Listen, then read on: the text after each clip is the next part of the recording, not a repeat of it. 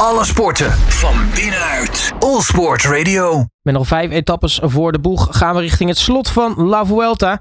Ja, met het wegvallen van Remco Evenepoel uit de top van het klassement is de unieke luxe situatie ontstaan dat Team Jumbo-Visma eigenlijk kan uitkiezen uit drie renners die de laatste grote ronde van het jaar zouden kunnen winnen.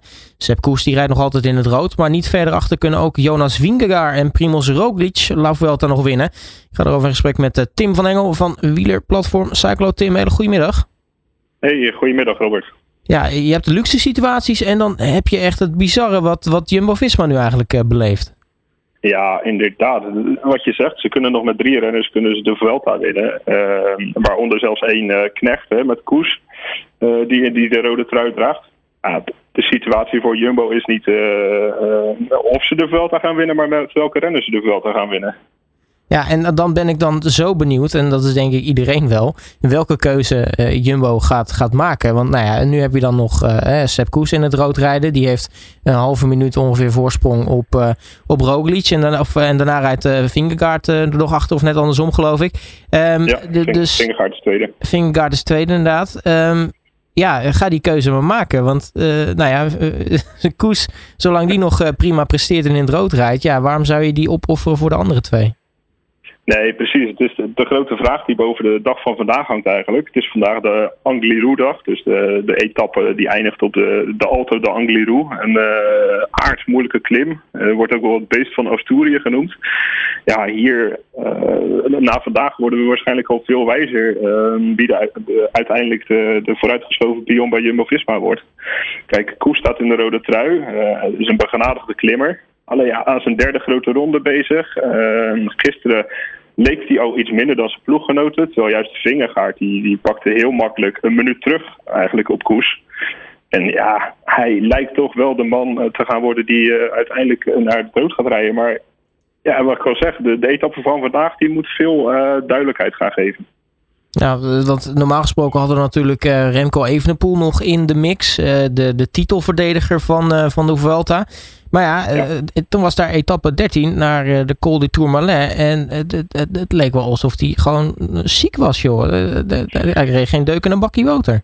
Nee, het was heel merkwaardig om te zien. En eigenlijk ja, onevenepoels of misschien ook weer wel des Evenepoels. Omdat hij ja, wel vaker ineens een dag heeft waar hij dan door het ijs zakt. Uh, dat hij de volgende dag dan ineens weer glorieus de winnaar wordt van de rit. En ook een dag later weer meedoet voor de overwinning. Uh, ja, het is, het is heel raar wat er op die dag gebeurde. Maar ja, hij, hij liet zich, gisteren liet hij ook al weer op achterstand binnen. Uh, hij heeft de focus nu gewoon verzet naar etappenzegers. Uh, en de bolletjestrui lijkt wel. Ja, en dat, ook dat weer speelt in het voordeel van Jumbo-Visma... die ja, eigenlijk een heel belangrijke pion op die manier voor het klassement zag wegvallen.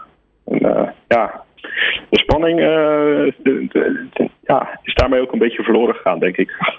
Ja, nu is de, de dichtstbijzijnde concurrent niet van Jumbo-Visma, is, is Juan Ayuso. Die rijdt op 2,5 minuten in het algemeen klassement. Is, is dat een, een, een, een afstand die nog overbrugbaar is? Mochten er echt hele gekke dingen gebeuren vandaag of, of morgen? Nou, kijk, vandaag is een hele lastige aankomst. Uh, wat ik al zei, uh, er komen nog een paar heel moeilijke dagen aan. Uh, maar ja, gezien de overmacht van Jumbo-Visma, die zelfs met hun knechten kunnen zeggen van...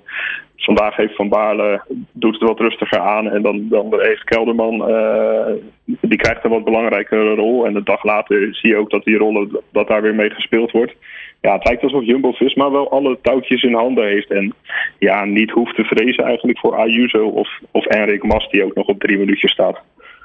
Ja, dus kortom, uh, de, de, ja, eigenlijk mag Jumbo zich gewoon al, uh, al winnaar noemen, zo'n beetje van, uh, van ook de derde grote ronde van dit, dit jaar.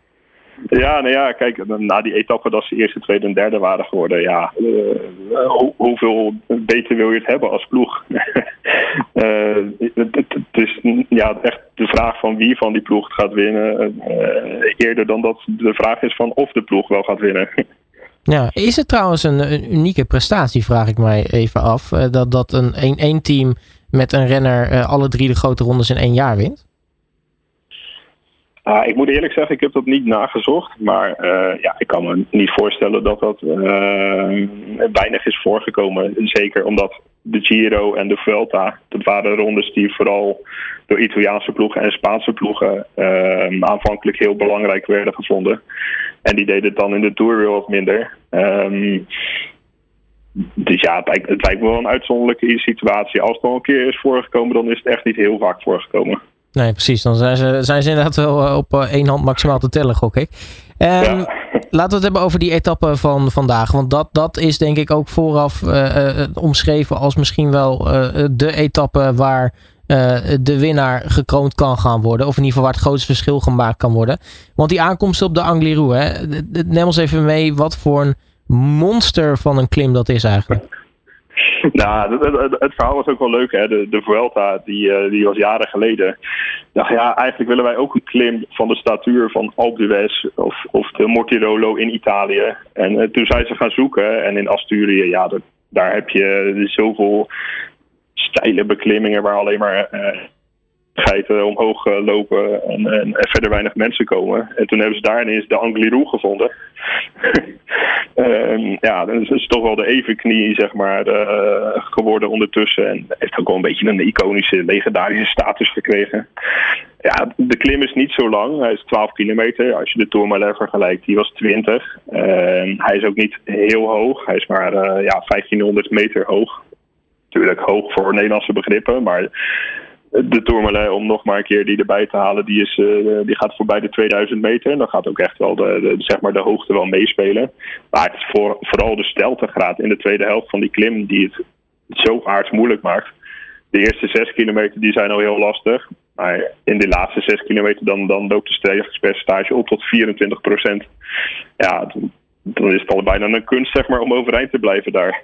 Ja, want uh, dat is volgens mij wel, uh, ik weet niet of de mensen dat weten, maar in 2002 was het ook etappe 15. Uh, regen op de Angliru. en gewoon auto's die, die ja. stilvielen op het stelste stuk. En niet meer konden, ja. konden, konden opstarten. Omdat de banden aan het slippen waren op, op de verf die de, de fans hadden aangebracht op de weg. Ja. Kortom, ja, echt gekke dingen zijn daar gebeurd. Ja, precies. En, en dat geeft ook wel een beetje aan wat voor klim het is. Het is uh, ja, geen klim waar, waar je het rustig aan kan doen. Iedereen moet echt al oud vandaag. Uh, ja, dus ja, je, kan, je, kan, je kan niet, niet denken van goh, ik, uh, ik spaar er vandaag met mijn krachten. Want het is gewoon ja, veel te lastig daarvoor. En ja, daarom verwacht ik ook wel dat er vandaag maskers gaan afvallen van renners die komen bovendrijven. Of renners die ja, voor, voor, voor wie het toch te zwaar blijkt. Uh, en als we dan ja, Vingegaard gisteren zo zien klimmen. Uh, Vingegaard, ja, tweevoudig uh, toerwinnaar ook. Ja, dan denk ik dat hij toch wel vandaag een, een, een slag kan gaan slaan. Als hij wil tenminste. als hij niet, als hij niet zeg maar, de rode trui bij zijn ploeggenoot Koes wil, wil laten. Nou, is, is hij de favoriet in, in jouw ogen vandaag? Ik denk het wel, ik denk het wel. Hij, uh, in de etappe naar de Tourmalet was hij ook al... Uh, ja, rijdt hij gewoon wel best wel makkelijk weg tot een paar keer aan toe al. het leek wel alsof hij ja, niet wilde wachten, zeg maar. Hij, hij viel aan op de klim voor de Tourmalet al en op de Tourmalet zelf. Um, gisteren ook. Gisteren natuurlijk gewonnen. dat hij gewoon eigenlijk vrij makkelijk een minuut voorsprong pakte ja, ik denk wel dat hij uh, de man is om, uh, om rekening mee te houden. Maar het is wat ik zeg, uh, als Koes een geweldige dag heeft. Koes kan ook, ja, deze klim die is ook geknipt voor Koes. ja, als Koes vandaag met vingergaard binnenkomt, ja, dan, dan, dan sluit ik niet uit dat Koes aan het einde ook met de rode trui om de schouder staat in Madrid. Wie, wie zijn er echt outsiders voor vandaag? Wie, kunnen, wie kan het blok van Jumbo-Visma echt gaan uitdagen? Nou ja, als de favorieten vandaag uh, voor de overwinning gaan strijden, ja, dan zijn de, de jongens van Jumbo-Visma favoriet. Uh, kijk, je hebt Ayuso, je hebt Mas, die misschien um, ja, wel dromen van een etappezege. Uh, maar ja, dan hadden ze dat eerder in de Vuelta ook al moeten laten zien. Het kan ook zijn dat er een, een, een kopgroep vooruit blijft, hè, die veel voorsprong pakt in het begin van de etappe. En uiteindelijk voor de overwinning gaat rijden. Uh, dan denk ik bijvoorbeeld aan Wout Poels, die echt zijn zin heeft gezet op, op deze etappe. Dat vertelde hij ook in ons Cyclo Wielercafé, waar we hem te gast hadden. Ehm, ja, ja, hij, hij, is al twee keer tweede geweest op de Angliru. waaronder een keer achter Kobo, die later uit de uitslag is geschrapt.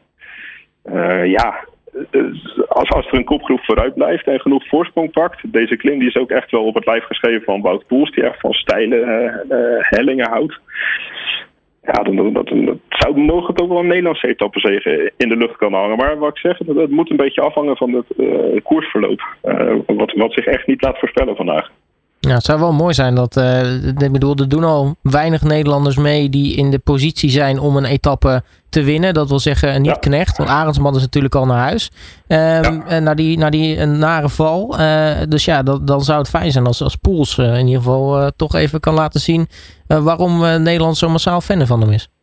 Ja, precies. En uh, ja, hij heeft het ook in de Tour de France wel laten zien. Hè. Hij uh, bewijst dat hij nog altijd kan winnen. Uh, natuurlijk in het verleden ook al Luik de Luik gewoon een grote klassieker. En ja, het is echt een man voor, voor steile beklimmingen om, om daar te excelleren. En gisteren was hij ook al derde in, in een lastige aankomst. Dus ja, met de vorm zit het ook wel goed. Uh, ja, laten we hopen dat de, de wielergoden hem uh, vandaag goed gezind zijn. En we een, een mooie Nederlandse etappezege kunnen ja, vieren. Nou, nog vijf etappes dus. Vandaag de Angliru aankomst. wat, wat zit er nog in de laatste etappes aan te komen? Nou, nog een paar hele lastige dagen. morgen is het ook nog een lastige rit met een aankomst bergop. zeker wel zwaar voor de renners als ze vandaag al de Angliru hebben moeten beklimmen. daarna wordt het een, een, een ja, een kans voor de sprinters. Uh, maar er wordt ook best wel op hoogte gereden. Dus misschien dat de wind daar ook wel een, een rol gaat spelen. En, en de koers uiteindelijk wordt geslagen in waaiers. Ligt natuurlijk een beetje aan uh, ja, de weersomstandigheden. Dan de voorlaatste dag, dat is zaterdag. Dan weer een lange, lastige dag. Dus de langste etappe zelfs. Met liefst tien klimmetjes van de derde, categorie. dus dat, uh, ja, dat gaat ook niet in de koude kleren zitten. En dan zondag, ja, dan is het de traditionele afsluiter eigenlijk in Madrid. Uh, uh, ja, vergelijkbaar met zoals de Tour eindigt in Parijs eigenlijk altijd. Ja, de welbekende défilé-rit.